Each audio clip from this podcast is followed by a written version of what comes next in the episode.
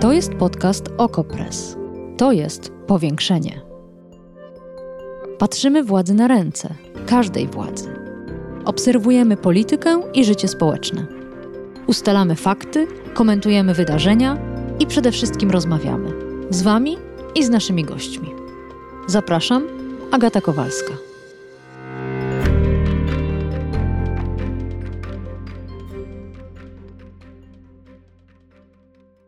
24 lutego do maleńkiej ukraińskiej wysepki, wyspy Węży, na Morzu Czarnym, przypłynęły dwa rosyjskie okręty wojenne. Kilkunastu funkcjonariuszom ukraińskiej Straży Granicznej nakazały złożenie broni i zagroziły bombardowaniem. Ukraińcy nie poddali się. To był oczywiście tylko jeden z wielu epizodów pierwszego dnia inwazji rosyjskiej na Ukrainę. Tyle, że ten został nagrany. Вот Аллейный, я русский военный корабль. Предлагаю сложить оружие и сдаться во избежание кровопролития и неоправданных жертв. В противном случае по вам будет нанесен бомбово-штурмовой удар.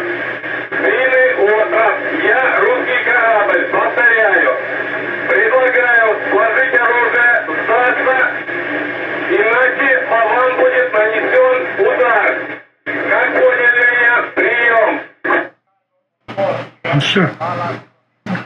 Или нахуй тоже надо.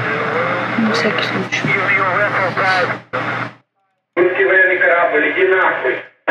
Idzina chuj to hasło przejdzie do historii. Jak poinformował prezydent Ukrainy Władimir Zeleński, wszyscy obrońcy Wyspy Węży zginęli. Ofiar wszczętej przez Rosję wojny jest oczywiście dużo więcej, w tym cywilów. Bombardowane są ukraińskie miasta i obiekty wojskowe. Rosjanie przejęli też teren elektrowni jądrowej w Czarnobylu. Aktualizowaną mapę sytuacji militarnej znajdziecie na portalu Okopres. Tam też od czwartkowego świtu prowadzimy stałą relację na żywo, odsiewając fake newsy od faktów. A w powiększeniu rozmowa z Anną Dyner, analityczką, która miesiąc temu wystąpiła w naszym podcaście i powątpiewała w atak Federacji Rosyjskiej na Ukrainę. Jak mogła się tak pomylić? O tym dzisiaj w drugiej części podcastu, ale przedtem głosy Ukrainek i Ukraińców, którzy na co dzień żyją w Polsce i demonstrują od czwartkowego poranka, między innymi przed ambasadą rosyjską w Warszawie. Składają też kwiaty i znicze pod ambasadą Ukrainy. Zapraszam do posłuchania ich opowieści. Jesteśmy z Odessy, mamy tam e, rodziny i jesteśmy tutaj dzisiaj, żeby, nie wiem, no nie, nie jesteśmy w miejscu wydarzeń, ale chcemy, w wiem. jakikolwiek sposób wesprzeć, pokazać światu też, co się dzieje i pokazać, że jest nas więcej i że walczymy i że zwyciężymy. Tak, i że nawet jak nie jesteśmy tam fizycznie, to mentalnie jesteśmy z Ukrainą. A wiecie, co tam się dzieje? Macie jakieś informacje? Tak, znaczy generalnie mamy jakieś e, źródła, które nasze państwo uważa, że są e, właściwe i, i, i tego się trzymamy. Jest dużo też fake newsów o tym, co się dzieje, ale staramy się jakby filtrować i, i się dowiadywać na bieżąco. Ale mówisz, że masz rodzinę w Odessie. Czy zamierzają wyjechać? Nie, to są starsi dziadkowie, którzy no już nie, ani nawet nie mają paszportu, więc myślę, że nie mają takiej możliwości, także kupują konserwy i e, kaszę. I tak, tak spędzają Mój, mój poranek. ojciec nie zamierza wyjeżdżać, przygotował już e, broń e, i będzie bronił miasta. Ma też plecak i jest gotowy do tego, żeby pójść do wojska, jeśli będzie taka potrzeba. Ale mówisz to z uśmiechem, czy mówisz to poważnie? Mówię poważnie. Jak myślicie, dlaczego doszło dzisiaj w nocy do tego ataku? Dlaczego Putin to zrobił? Myślę, że to jest temat, to jest pytanie, które wszyscy sobie zadajemy i powiem szczerze, że poza tym, że zwariował całkowicie, trochę nie mamy na to lepszej odpowiedzi, no bo nie, naprawdę nie, nie jesteśmy w stanie tego zrozumieć. Wydaje mi się, że znaczy, żadne sankcje nie były wystarczające, ale wydaje mi się, że nikt się nie spodziewał, myślę, tego, co, co się dzisiaj w, w nocy wydarzyło i dlatego ten ruch też no, był tak jakby nieoczekiwany, że po prostu nikt, nikt nie mógł tego przewidzieć. My czekamy dzisiaj, jakie, jakie będą też ruchy, bo to, co wprowadzi też e, pod kątem sankcji e, Europa oraz Stany, to będzie myślę, że kluczowe też e, w przebiegu wojny i w przebiegu strategii Rosji. Myślicie, że dużo ludzi ucieknie, czy będą po prostu walczyć? Ja myślę, że będą, będą walczyć i będzie się lało dużo, dużo krwi, bo nie chcę powiedzieć, że jesteśmy w stanie wybaczyć, ale o ile jakby 8 lat wojny jakoś wiele osób nie, nie odbierało tego aż tak poważnie, no to ochrona granic Ukrainy myślę, że jest teraz e, priorytetem i naszej niepodległości. Putin zrobił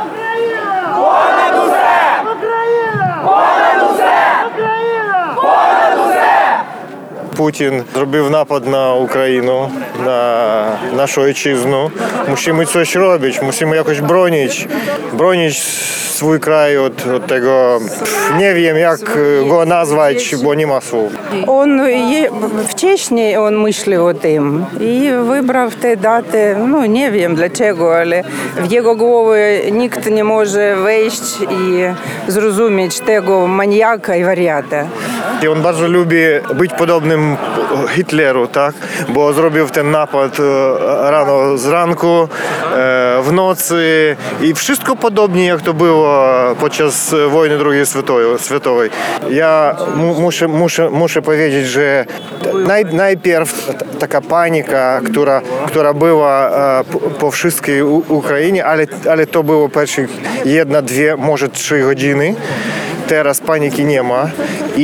e, e, przed tymi wyda- wydarzeniami było powiadomienie o tym, że większość Ukraińców e, są gotowi bronić e, swojej ojczyzny, a, te, a, a teraz ma, jestem pewny, że nawet więcej. prawie wszyscy powstaną, żeby bronić swój kraj. A macie Państwo rodzinę? Tak, y, tak. Gdzieś? tak. Nasza córka tak mieszka w Kijowie, tak. I jak, jak ucieka? Nie, nie, ona zostaje na miejscu. Jedna córka tutaj, a jedna tam w Kijowie, w Ukrainie. Boimy się oczywiście, ale, się, ale nie ma paniki i ona zostaje i nie chce wyjeżdżać i, i mówiła, że będzie wa- walczyć. Ma- Major naszej starszej córki, on już e, w, Wojskowej ci- części, da, już, już na froncie. Co Polacy mogliby zrobić, żeby wspomóc Ukraińców? Ну, по-перше, по-перше, ми е, już dziś е, dziękujemy Polakom za wsparcie. Bardzo, tak. Słychać. Tak, tak, tak. Widzimy, jak Polacy wspomagają Ukraińcom, jak e, wspierają Ukrainę. To, to jest bardzo, bardzo cenne dla, dla, dla wszystkich ідея, е, щоб об'єднати е, польська Великобританія, Україна е, як єдин, єдин такий, як то союз, зв'язок, зв'язок пшечівко Путлера. Путлера? Путлер. А як інакше? То такий так. Пут... Путін Гітлер. То такий разом Путлер. Путін! Хуйло!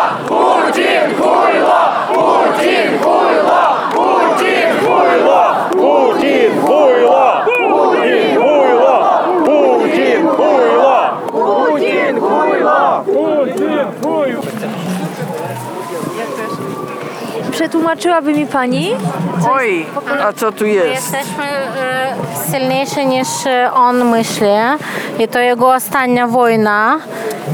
B- Будучи e, zmuszony e, do niewoli, będę i tak wolnym. E, To jest znakomstwo Warszawa, to jest taka grupa dla obcokrajowców, gdzie zbieramy się i wspieramy między sobą Białorusia, Ukraina, różne kraje i spotkamy się dla wspierania. A tutaj jest e, zabierz ręce od mojej ziemi.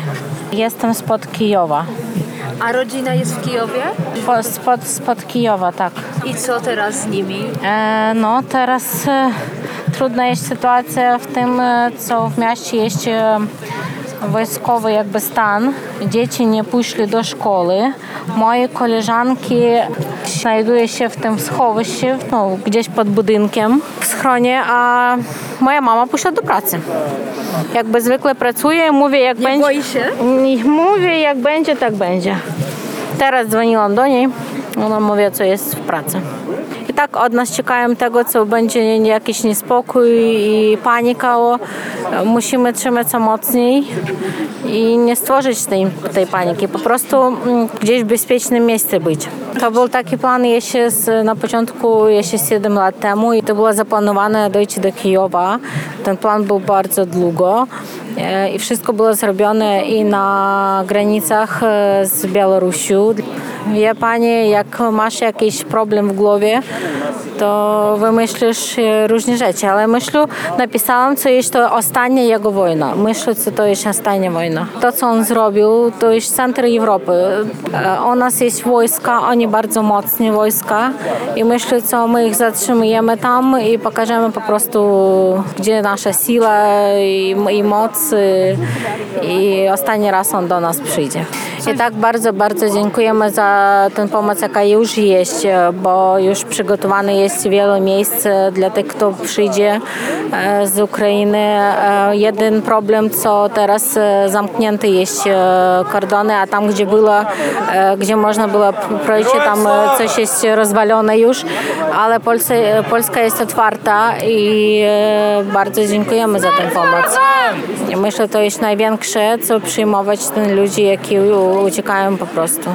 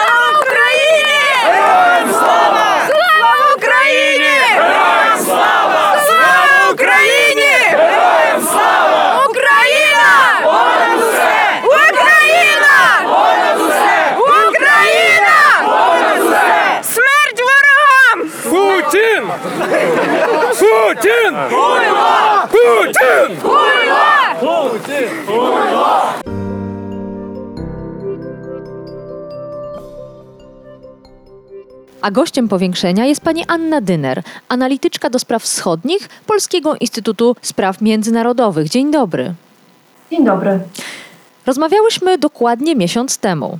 I wtedy mówiła pani, agresja na Ukrainę skończyłaby się krwawo i Putin to wie. I mówiła pani, Rosja jest w stanie zająć Ukrainę, tylko po co miałaby to robić? 24 lutego 2022 roku zweryfikował pani słowa. W momencie, gdy rozmawiamy, ukraińskie miasta są bombardowane, a rosyjscy żołnierze oblegają już jedną z dzielnic Kijowa, 10 kilometrów od centrum stolicy. Jak pani się odniesie do tych ostatnich dni? Co się wydarzyło? Co się zmieniło? Albo inaczej, czy pani się po prostu koszmarnie pomyliła?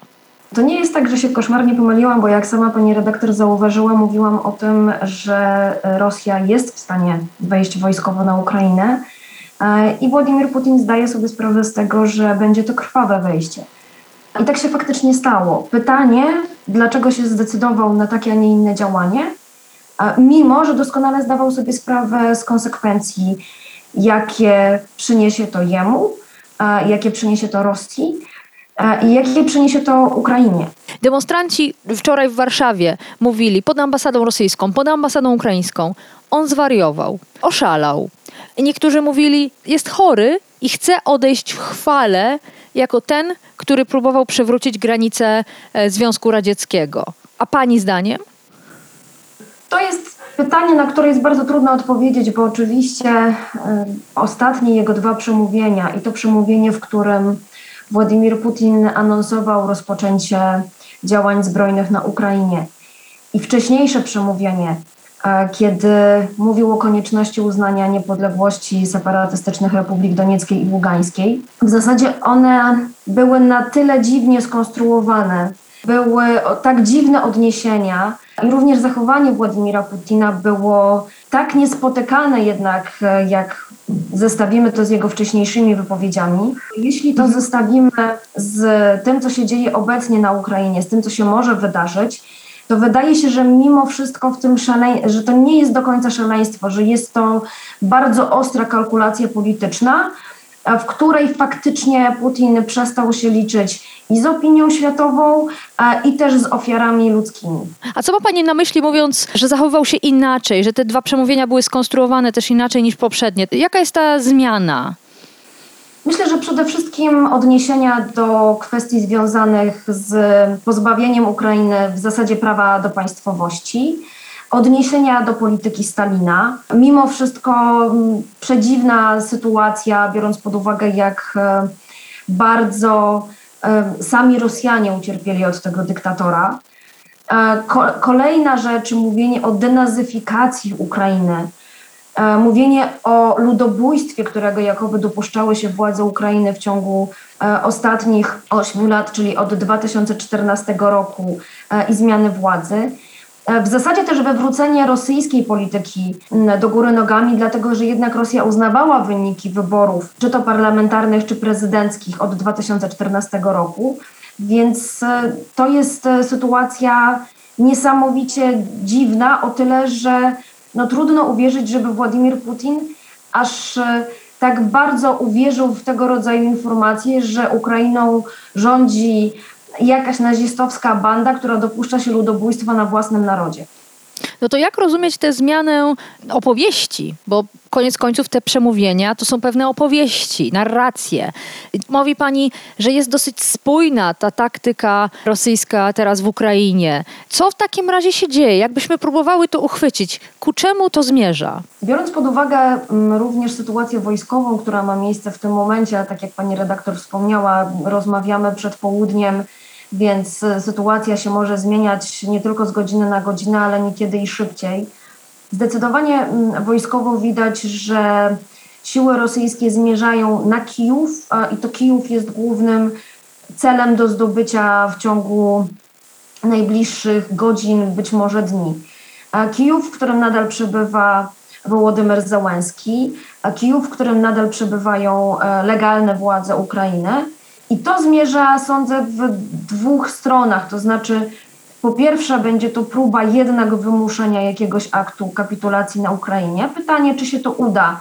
Tu odpowiedź będzie, będzie pewnie e, zaczynała się od słów e, to zależy. I druga sytuacja mm, z tym, z tym związana jest to po prostu, moim zdaniem, może to być preludium do próby osadzenia nowych marionetkowych e, ukraińskich władz. Powiedziała Pani zajęcie Kijowa to może być kwestia kilku godzin.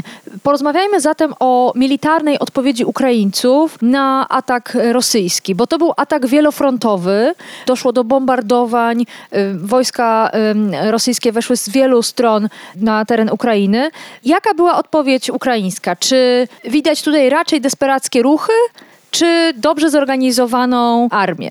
E, ja myślę, że tutaj widać w dużym stopniu jednak dobrze zorganizowane siły zbrojne. E, widać, że ukraińska armia podjęła walkę. Nie tylko ukraińska armia, ale również ukraińska Straż Graniczna. E, więc tutaj nie ma mowy o czymś, co usiłowały lansować rosyjskie media, czy nawet rosyjscy politycy jeszcze wczoraj, że bardzo wielu Ukraińców czy ukraińskich mundurowych poddaje się i składa broń. Natomiast oczywiście zestawienie potencjałów e, wyraźnie wskazuje, kto ma niesamowitą e, przewagę. I tego rodzaju informacje pojawiają się również choćby na oficjalnych stronach e, strony ukraińskiej, mówiące, że jednak siły zbrojne Ukrainy, mimo znaczącej przewagi przeciwnika, podejmują, podejmują obronę. Natomiast jeżeli chodzi oczywiście o kwestię Kijowa, dlaczego to może być sprawa godzin? Wszystko zależy od tego, jakiego rodzaju uzbrojenie zostanie wobec tego miasta zastosowane, bo jeżeli wyobrazimy sobie zmasowany atak rakietowy, którego przedsmak mieszkańcy Kijowa mogli poczuć w nocy, kiedy najprawdopodobniej spadły rakiety kalibr. Tutaj też trudno na razie wskazać dokładnie, co to było za rodzaj pocisku. To możemy sobie wyobrazić, że jeżeli taki zmasowany atak zostałby dokonany na miasto, Oczywiście byłaby to zbrodnia wojenna, bo byłyby to, byłoby to byłby to atak na cele cywilne. Niemniej jednak ten atak w połączeniu z desantem na lotniska, w połączeniu ewentualnie z jakimiś działaniami wojsk pancernych czy zmechanizowanych, mm, on mógłby przynieść efekt. Niestety również związany z tym, że e, ofiarami licznymi staliby się cywile, no ale tutaj e, cały czas e, poddaję wątpliwość, czy Władimir Putin by się tym do końca przejmował. Choć teoretycznie cały czas się zarzekał, że to nie jest wojna przeciwko społeczeństwu ukraińskiemu, że cywile ginąć nie będą, tylko że już doskonale widzimy z informacji, które płyną z Ukrainy, że cywile jak najbardziej w tej wojnie już giną. Porozmawiajmy jeszcze o Zachodzie. Wojna wybuchła wczoraj o świcie. Teraz jest piątek przed godziną 11, a my czekamy. Nie wiemy, właściwie jakie sankcje miałyby być nałożone, na co się ostatecznie Stany Zjednoczone, Europa zgodzą. Skąd to opóźnianie, czy to jest opóźnienie, bo niektórzy bronią Sojuszu Północnoatlantyckiego, bronią Unii Europejskiej, bronią prezydenta Bidena, twierdzą, że tego się tak szybko zdecydować nie da przy takiej liczbie podmiotów. Więc jak pani to ocenia? Czy uważa pani, że już wczoraj mogły zapaść jakieś ostre decyzje ze strony zachodniej? Myślę, że trzeba rozdzielić e, wszystkie te podmioty, o których e, pani redaktor wspomniała. Zaczynając od NATO, odbyło się posiedzenie zwołane w ramach e, artykułu 4. Dziś po południu ma znowu obradować NAK. Mm, I myślę, że tutaj będą zapadały decyzje odnośnie do dalszego działania sojuszu, zwłaszcza na flance wschodniej. Tym bardziej, że doskonale wiemy, że Sojusz Północnoatlantycki raczej nie nakłada sankcji. Tak? To jest w tym momencie kwestia zwiększania obrony e, swoich własnych członków e, i swojego terytorium mandatowego. To jest pierwszy obszar. I jeszcze może jedno zdanie. Widać, że jest e, duża determinacja też głównie ze strony nie tylko państw wschodniej flanki czy sekretarza generalnego, ale też innych sojuszników do tego, żeby do takiego wzmocnienia doszło. Drugą płaszczyzną to są oczywiście sankcje unijne. Kolejne sankcje zostały wczoraj e, wprowadzone. Natomiast oczywiście nie są to sankcje, których wszyscy oczekiwaliśmy. E, myślę, że jednak z dużym rozczarowaniem przyjęto decyzję tych państw, które zablokowały odłączenie Rosji od systemu SWIFT, systemu rozliczeń międzybankowych, który byłby dla Rosji bolesny. E, to jest, to jest rzecz druga. Pytanie, czy Unia Europejska, czy w zasadzie państwa członkowskie w którymś momencie jednak przejrzą na oczy i stwierdzą, że tych te sankcje są właśnie teraz do, do, zastosowania, bo potem zwyczajnie może być już za późno. I to jest drugi element. Mhm. Natomiast jeżeli chodzi o Stany Zjednoczone, e, tu mamy pewien kłopot, choćby związany z przesunięciem czasowym. E, natomiast też płynęły pewne, pewne głosy rozczarowania, ale warto zwrócić uwagę, że jeszcze nie wypowiedział się kongres a tam jednak nastroje też są mocno antyrosyjskie. Mm, I faktem jest, że tutaj, jeżeli chodzi o przyjmowanie sankcji, dużo będzie zależało od Stanów Zjednoczonych, dlatego że chyba w zasadzie jako jedne z nielicznych, czy w zasadzie może nawet jedyne państwo, mają realne narzędzia do tego, żeby e, tych sankcji pilnować. Więc myślę, że mm, w Stanach trwają teraz e, intensywne prace nad tym, co może zostać wprowadzone i nałożone mhm. E, na Rosję, e, czy też na inne państwa, które, które w jakiś sposób będą z Rosją powiązane, tak jak choćby Białoruś. Natomiast zdecydowanie widać, że chyba ciągle ta odpowiedź państw zachodnich w Moskwie jest odbierana jako zbyt słaba. A czy Pani zdaniem powinno się wycofać ambasadorów e, z Moskwy, zerwać stosunki dyplomatyczne z Rosją? Tego domagają się przedstawiciele ukraińscy od państw zachodnich, a te tego nie robią. Jak Pani to ocenia? E, to jest też bardzo trudne pytanie, dlatego że nadal widzimy, choćby po tym, że e, w nocy rozmawiali ze sobą prezydenci Macron i Putin, że jednak państwa zachodnie chcą zostawić sobie kanały komunikacji, kanały dyplomatyczne. Mm, I oczywiście to jest bardzo trudne pytanie, jak, jak, jak to zrobić. E, no, zerwanie stosunków dyplomatycznych w zasadzie najczęściej w historii następowało albo tuż przed wojną, albo w zasadzie już, już w jej trakcie, co miało miejsce w przypadku Ukrainy. A Więc myślę, że takie decyzje jeszcze będą podejmowane, bo też warto zwrócić uwagę, że sama Ukraina dopiero zerwała te stosunki dyplomatyczne wczoraj. Wróćmy znowu do Władimira Putina. Zastanawiam się, czy jakiekolwiek sankcje, jakiekolwiek działania NATO mogłyby go teraz powstrzymać. Skoro realizuje on wielką wizję podporządkowania sobie Ukrainy, to czy istnieje cokolwiek, co zmusiłoby go do wycofania się? Przecież straciłby wtedy twarz. No nie wyobrażam sobie, że podkuli ogon i wycofa y, wojska. A może, ale mnie się to nie mieści w głowie, ale mam nadzieję, że pani jest w stanie taką, taki scenariusz rozwinąć przed nami. Chyba niestety nie jestem w stanie takiego scenariusza rozwinąć, chociaż też bardzo bym, bardzo bym chciała, bo nie rozkręca się tak mocno machiny wojennej, żeby e, te czołgi zwyczajnie w połowie drogi zatrzymać. Putin już chce zrealizować konkretne cele polityczne a i tak jak na samym początku zastanawiałyśmy się, czy można go uznać za szalonego, czy, czy nie, to sądzę, że w tym momencie on na jedną kartę postawił, to znaczy e, decydując się na taką operację, mając świadomość jej konsekwencji, nie można się zatrzymać w połowie. Sądzę, że to też jest właśnie związane z tym, że niestety Rosja mogła przypuszczać, e, że sankcje państw zachodnich mm, nie będą aż tak dotkliwe, że sobie z tym poradzą i że na to byli gotowi.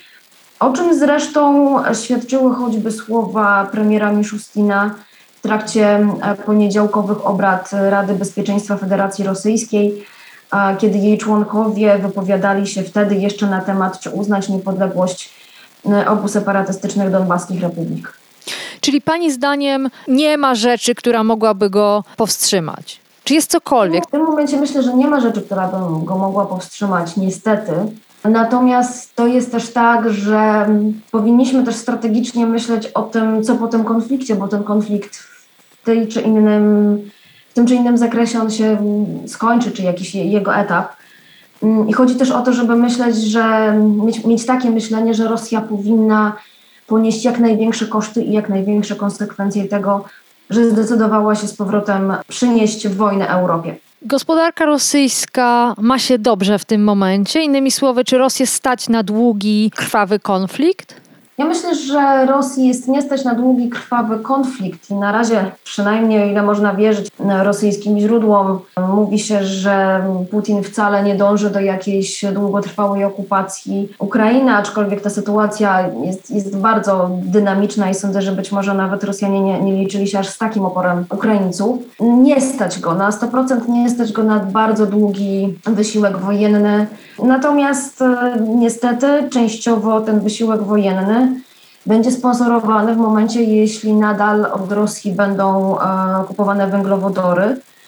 Mm, I tutaj oczywiście pojawia się duży problem uzależnienia państw europejskich właśnie od dostaw surowców energetycznych z tego państwa.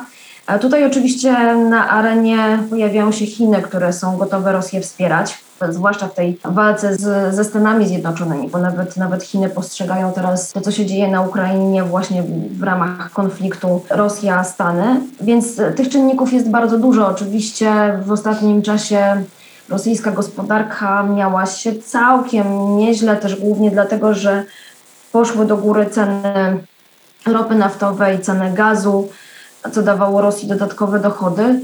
Rosja e, wytworzyła sobie dość dużą poduszkę finansową, natomiast e, wiadomo, że rosyjski biznes bardzo dużo traci w ciągu jednego dnia, jak wylicza jedna z agencji ratingowych. Rosja straciła kapitałowo więcej, czyli od, od wczoraj, od momentu rozpoczęcia wojny, niż od e, początku tego roku. Natomiast na ile to będzie bolesne w dłuższej perspektywie, tak jak wspomniałam, gdyby sankcje unijne czy amerykańskie były ostre, to byłoby to jeszcze bardziej bolesne. Natomiast na razie niestety mm, myślę, że to ciągle będzie do zniesienia. E, I niestety wygląda na to, że premier Miszustin w swojej ocenie się nie pomylił. Anna Dyner, analityczka do spraw wschodnich Polskiego Instytutu Spraw Międzynarodowych. Bardzo dziękuję za to spotkanie. Powiększenie. Podcast Okopres. Prowadzenie Agata Kowalska. Podcast znajdziesz na stronie Okopres i w Twojej ulubionej aplikacji do podcastów. Redakcja Okopres działa od 2016 roku. Jesteśmy obywatelskim narzędziem kontroli władzy, obecnej i każdej następnej. Okopres utrzymuje się z Waszych darowizn. Wesprzyj nas, byśmy mogli działać dalej.